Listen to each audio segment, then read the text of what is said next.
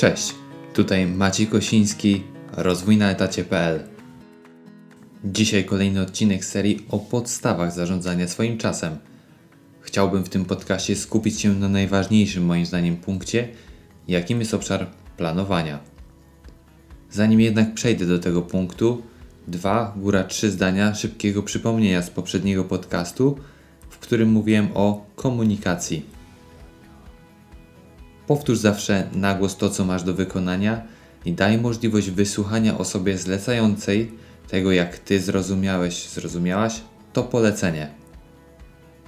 Jeżeli zarządzasz zespołem, to pamiętaj, że nie każdy łapie w locie to, co próbujesz przekazać i wychodząc ze spotkania, skorzystaj z technik sprawdzających, czy każdy członek Twojego teamu zrozumiał polecenie. Planując spotkania, odpowiednio to komunikuj. Sprawdzaj kalendarze zaproszonych osób i staraj się przypomnieć w precyzyjnie ustalonym odstępie czasu o tym zaplanowanym spotkaniu i oczekuj potwierdzenia. Pamiętaj o przysłaniu agendy spotkania. Bez planowania organizacje mogą działać i działają, ale najczęściej kończą swoją działalność niedługo po starcie. Dlaczego tak się dzieje? Brak posiadania biznesplanu albo brak jego aktualizacji powoduje najczęściej spadek koncentracji na założonych celach biznesowych, co finalnie skutkuje staniem w miejscu, a idąc dalej zamknięciem. Jak z pozycji pracownika na etacie zacząć planować swoje działania i dlaczego w sumie jest to tak niezbędne? W organizacji pracy najważniejszym elementem jest planowanie.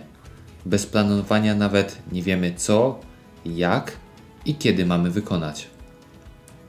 Najbardziej efektywnym sposobem jest planowanie z wyprzedzeniem. Jest to rodzaj planowania, który ma na celu ustawienie już nawet najmniejszych zadań w cały szereg elementów, który finalnie można nazwać projektem. Aby zacząć w ten sposób planować, należy odpowiedzieć sobie najpierw na trzy następujące pytania. Co chcesz osiągnąć? Musisz wiedzieć, jak zaplanować cel, aby go finalnie zrealizować. I tutaj myślę jeszcze ważniejszym elementem będzie, jak rozpoznasz, że osiągnąłeś zamierzony cel. Jak to osiągniesz? Czy masz na to jakiś konkretny plan? Może istnieje jakaś procedura, instrukcja, która przeprowadzi Cię do zrealizowania tego celu? Co może pójść nie tak? Świadomość możliwości pojawienia się problemów zwiększa szanse powodzenia realizacji zadania. Jesteś świadomy, znasz ryzyka, możesz stosować i opracować plany jego minimalizacji. A więc cały plan opiera się na trzech aspektach: czas, zadania, zasoby. Czas. Do kiedy chcesz osiągnąć zaplanowany cel, a finalnie kiedy to faktycznie wykonasz? Zadania. To zbiór elementów czynności, które musisz przejść, wykonać, aby zrealizować i osiągnąć cel. Zasoby. Kto i co. Jakie narzędzia są potrzebne, aby zrealizować cel. Zaczynając od czasu, po prostu kamienie milowe odsyłam do oddzielnego podcastu i artykułu na stronie rozwójnaetacie.pl, w którym precyzyjnie określam, jak dobrze zrozumieć kamienie milowe. Czas i odpowiednie postawienie zadań, które wykonasz w odpowiednim momencie, są nierozłącznym elementem planowania. Bez dobrze określonego i zdefiniowanego czasu nie możesz przejść do kolejnego etapu, jakim są zadania. Dodatkowo podpowiem, spisz te kamienie milowe. Im bardziej dokładnie określisz, co musi się wydarzyć, aby zakończyć dany etap, tym będziesz spokojniejszy, spokojniejsza o pełną realizację całego projektu. Zadania. Musisz jak najdokładniej zastanowić się nad poszczególnymi krokami, które finalnie złożą się na Twój cały projekt. Podziel ten projekt na fazy do każdej fazy postaraj się dopisać mniejsze elementy składające się na daną fazę I dalej w kolejnym wierszu dopisz do każdej mniejszej fazy mniejsze zadania, które spowodują zamknięcie powyższego całego zadania. Obrazowo stwórz drzewko i do każdej gałęzi dopisuj mniejsze zadania i do kolejnej mniejszej gałęzi dopisuj kolejnej i kolejne działania. Ostatecznie zaczniesz pracować od tych małych gałązek, aby finalnie skończyć na głównej gałęzi i odhaczysz zrealizowanie danej fazy Twojego projektu. Gwarantuję, że szybko zauważysz płynące korzyści z tego, że potrafisz planować, a Twoja praca ułoży się w pewne istotne bloki, gałęzie, które w dalszej kolejności będziesz analizować i usprawniać. Trzeci etap, a więc zasoby, są ściśle związane z punktem drugim. Jeżeli masz bardzo dokładnie już przemyślane i spisane gałęzie Twojego projektu, zastanów się, co potrzebujesz, aby każda z tych małych gałązek została wykonana. Ilu ludzi, jakie programy, jakie narzędzia. Koniecznie to zanotuj. Pamiętaj, że planując duży projekt, niedoszacowana ilość zasobów, chociażby ludzkich, może przełożyć się na bardzo duże opóźnienia dla całego projektu.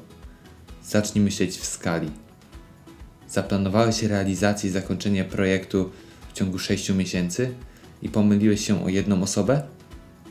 To właśnie straciłeś 800 godzin dla Twojego projektu. Jak to nadgonić?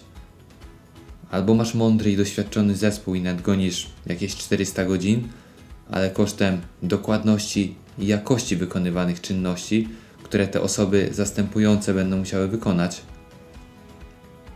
Bo przecież pokryć całe 800 godzin w ciągu 6 miesięcy? Ambitne, ale czy osiągalne? Zostawiam to pytanie jako otwarte. Planowanie, planowanie, planowanie.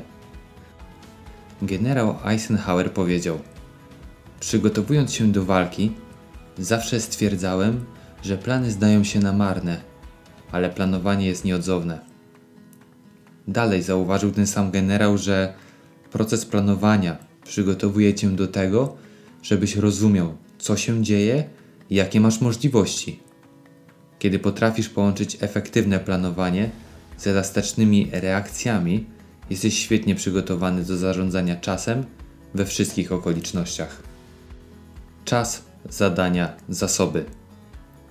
Wracając do pracy na etacie, którą obecnie wykonujesz i do tego, jak ty sam możesz zacząć lepiej planować, bo przecież nie każdy buduje w firmie projekty i działa bardzo, bardzo szeroko, skup się na początku na czterech kluczowych aspektach, które z pewnością poprawią obszar planowania w Twoim życiu. Planowanie tygodnia w niedzielę. Usiądź wieczorem i zaznacz w swoim kalendarzu kluczowe spotkania, kluczowe zadania, które w tym tygodniu są niezbędne, abyś zakończył kolejny tydzień z myślą, że wykonałeś kawał dobrej roboty w minionym tygodniu. Zakreśl te działania w jakiś szczególny dla siebie sposób. Może kolor zadania w Outlooku, specjalny długopis, jeśli korzystasz z notatnika. Coś, co odróżni te działania od zwykłych spotkań. Zapewnij czas na działania, które będą związane z Twoim rozwojem. Zaplanuj tydzień w ten sposób, aby znalazł się czas na realizację Twoich celi, postawionych przez organizację czy przez Ciebie samego.